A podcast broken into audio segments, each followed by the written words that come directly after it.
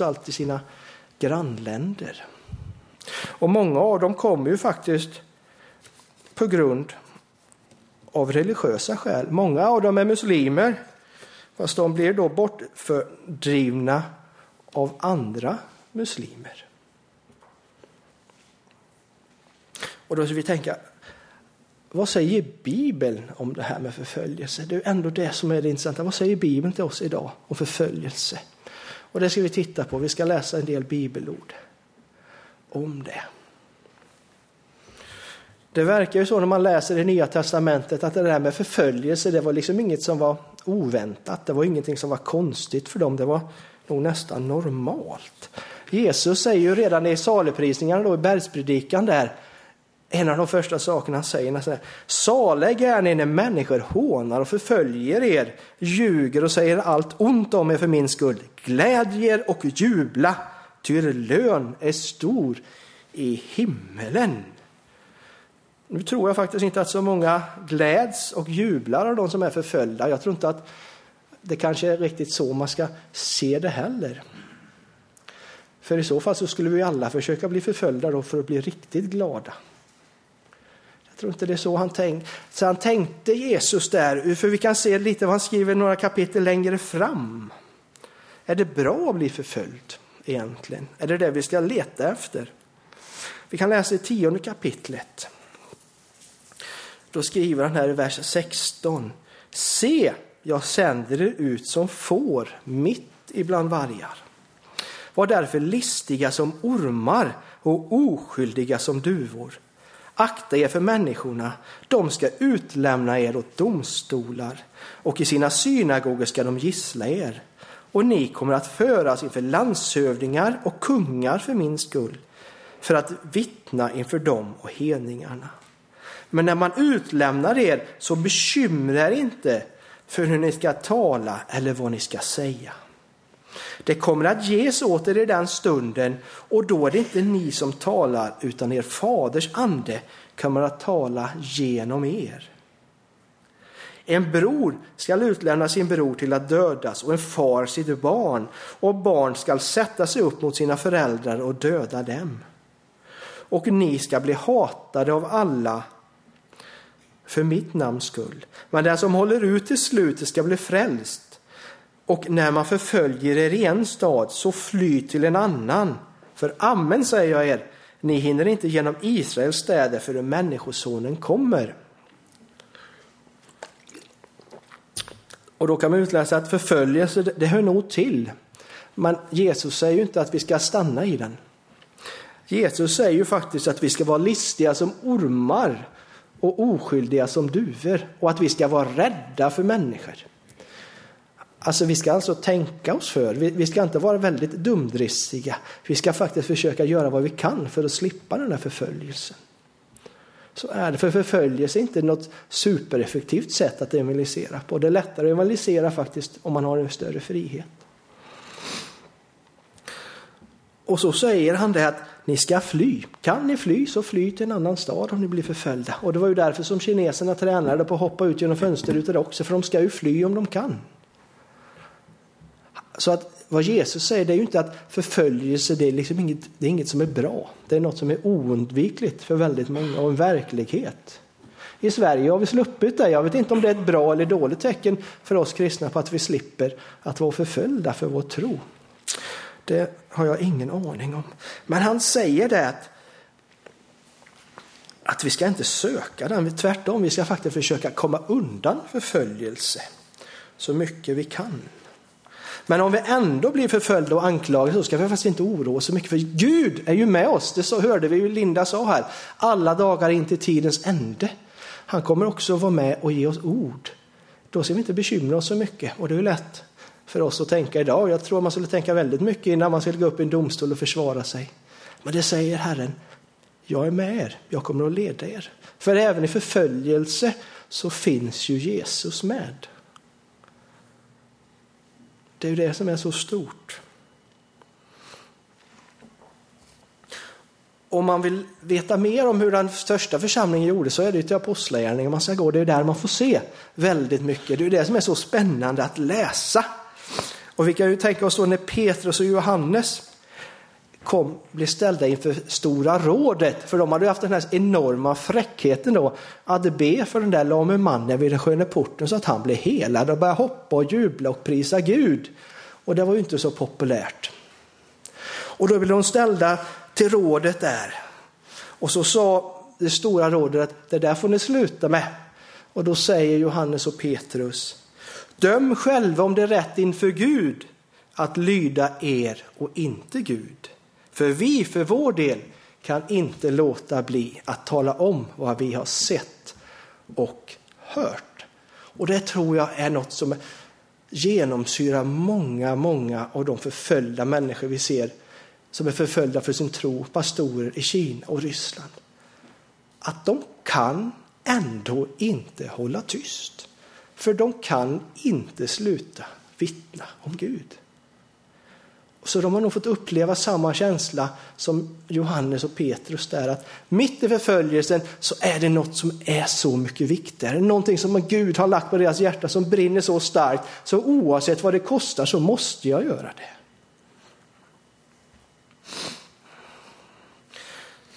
Men när nu Petrus och Johannes då hade fått sagt det här och de hade blivit släppta från Stora rådet med den stora förmaningen att nu håller ni tysta då gick de tillbaka till sin hemförsamling, precis som ni skulle komma tillbaka hit.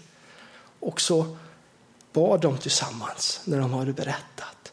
Och då kan vi se i vers 4, eller i kapitel 4 där, vers 29, vad de bad. Och det tycker jag är så spännande i många av Nya Testamentets, där att man kan få läsa vad de bad. För det är väldigt roligt. Vad bad en apostel? Vad bad en lärjunge på den tiden? Vad skulle du ha bett om du precis hade släppts ut från Stora rådet där med dessa förmaningar?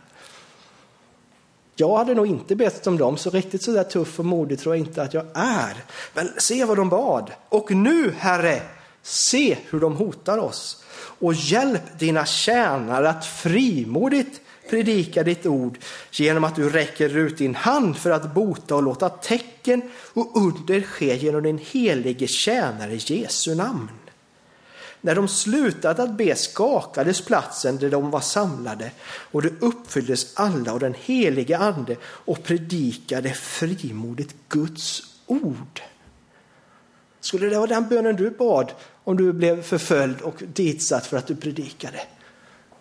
De bad inte beskydda oss, göm oss, skicka bort de som förföljer oss så att vi, vi kan gå fria i stan. Nej, de bad istället ge oss en större frimodighet. Låt dina under och tecken följa oss så att det blir ändå tydligare vad vi predikar. Dessa olärda män som inte var så gamla.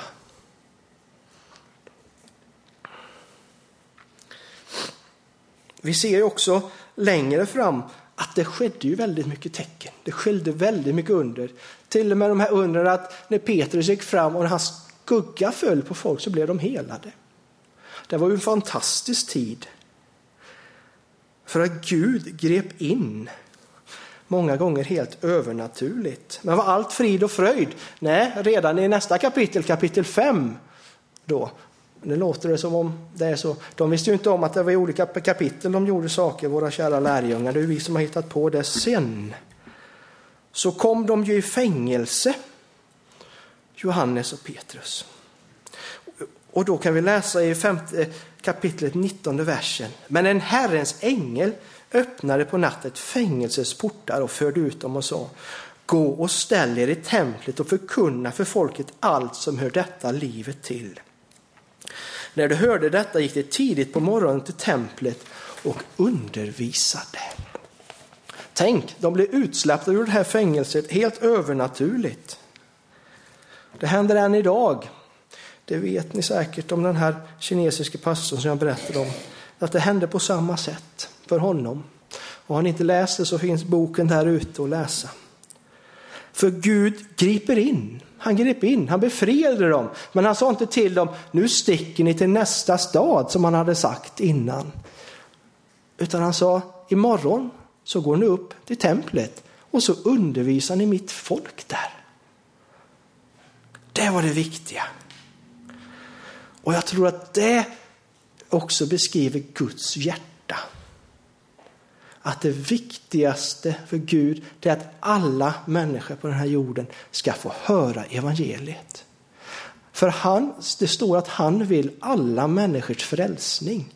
Han vill inte att någon människa ska leva här utan att få höra talas om honom, utan att få bli räddad, utan att få komma hem. Han vill göra med oss var och en hem till himlen. Och det var därför som han sa, gå ut och fortsätt tala och predika. Och det är det vi hör, vi ska göra alla människor till lärjungar. Det läste vi också. Det är det som är det viktigaste, det är det som är vår kallelse. Alla ska få höra och ibland kostar det på och ibland kostar det på mindre. Fast sen fanns det väldigt många där som faktiskt var emot de kristna. Och en av de värsta det var ju Saul, Paulus. Jag tror att ni kan nog många av de här historierna. Han som såg som sin största uppgift faktiskt att krossa vägen, den, de kristna för han ansåg ju sig tjäna Gud när han kunde förfölja, piska dem och sända dem i fängelse eller samtycka till att de blir dödade. Och den första martyren vi läser om då, efter och bland de kristna då, det är ju, det är ju då Stefanos som blev stenad. Och då står det att Saul tyckte att det var bra. Han vaktade till och med kläderna på dem som höll på att stena honom. Men sen den här Paulus, det blev ju inte riktigt så för honom. Han blev ju helt plötsligt, fick ju möta Jesus. På väg till Damaskus, när han var på väg för att han skulle fånga även de utomlands som trodde på den kristna. Han nöjde sig inte med att bara göra det där hemma. Han ville ju verkligen ta död på allt vad kristenheten hette. Och där möter han Jesus. Och han blev förblindad i tre dagar och Gud säger till Ananias var det väl. Gå och be för den där mannen. Och Ananias känner ju till honom. Han har hört talas om honom så han försöker tala om för Gud att det där är ingen bra idé. Men till slut så går han och Jesus säger ju till honom att den där mannen har jag utvalt till mitt redskap och han ska få veta hur mycket han ska få lida för mitt namns skull. Det är ingen rolig arbetsbeskrivning men Paulus tog verkligen den till sitt hjärta. Och lika nitisk som han var när han tjänade Gud, genom att, som han trodde, genom att förfölja de kristna, lika nitisk så blev han ju när han väl fick tag på Jesus. Och jag tror att idag så skulle man nog kunna jämföra Saul, Paulus, med en IS-ledare. För de tror ju också att de tjänar Gud när de dödar alla som de inte tycker har rätt uppfattning. Det är inte så stor skillnad egentligen. De är hängivna sin Gud på ett sätt vi inte kan förstå. Men finns det då inte en möjlighet också för dem att få möta Gud?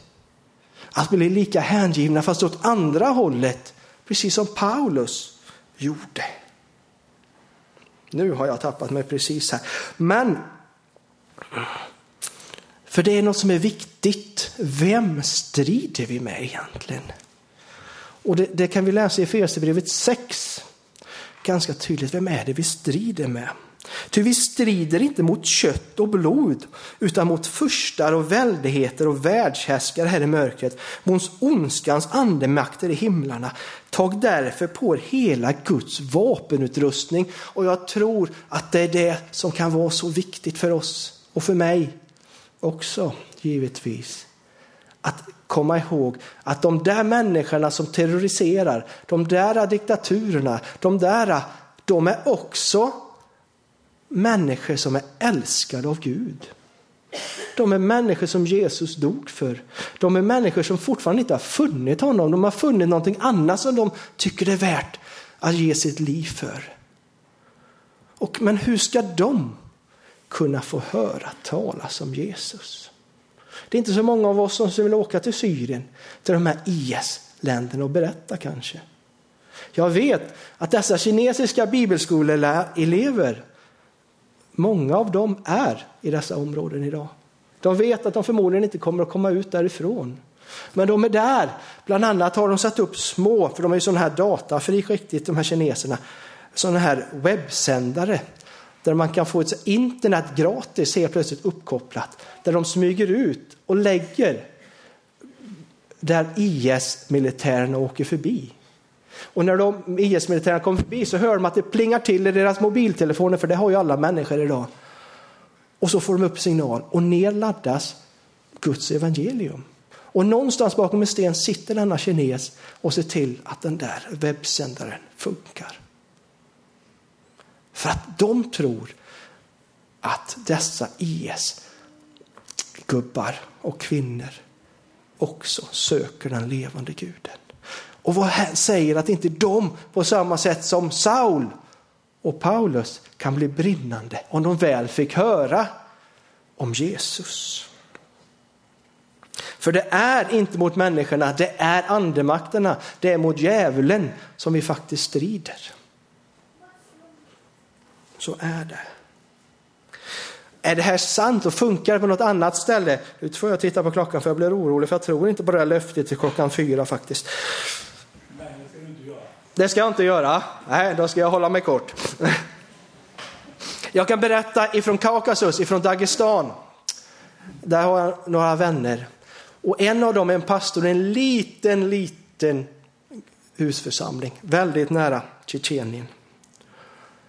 Och där samlas de, nästan i smyg. De ber och predikar.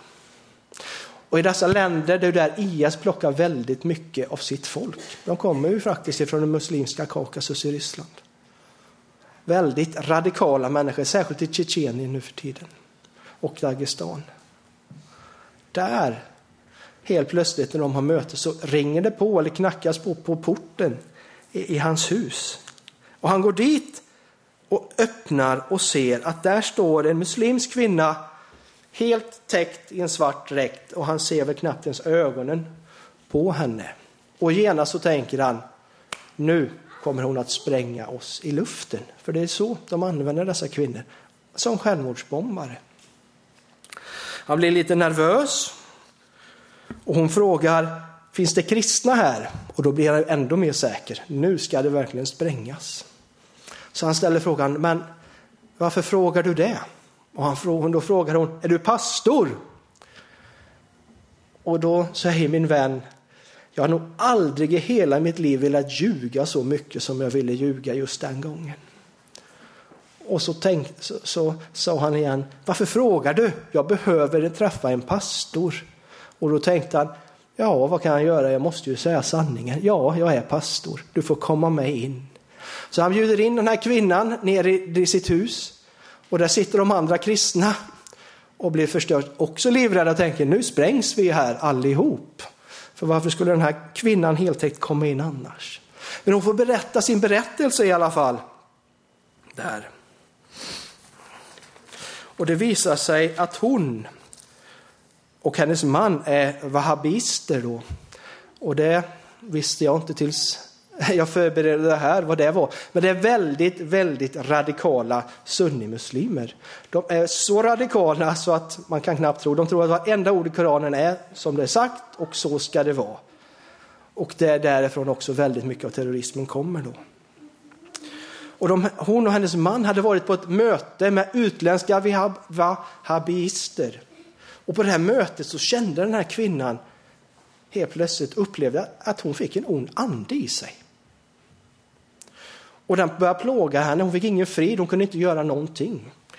Och som de goda muslimer de är så gick de ju till sina muslimska präster för att bli av med den. Och de försökte vad de kunde mest genom att slå med käppar på ryggen då, för att på så sätt skrämma ut demonen. Men jag antar att demonen var nog bara mest glad över att de plågade kvinnan på det viset.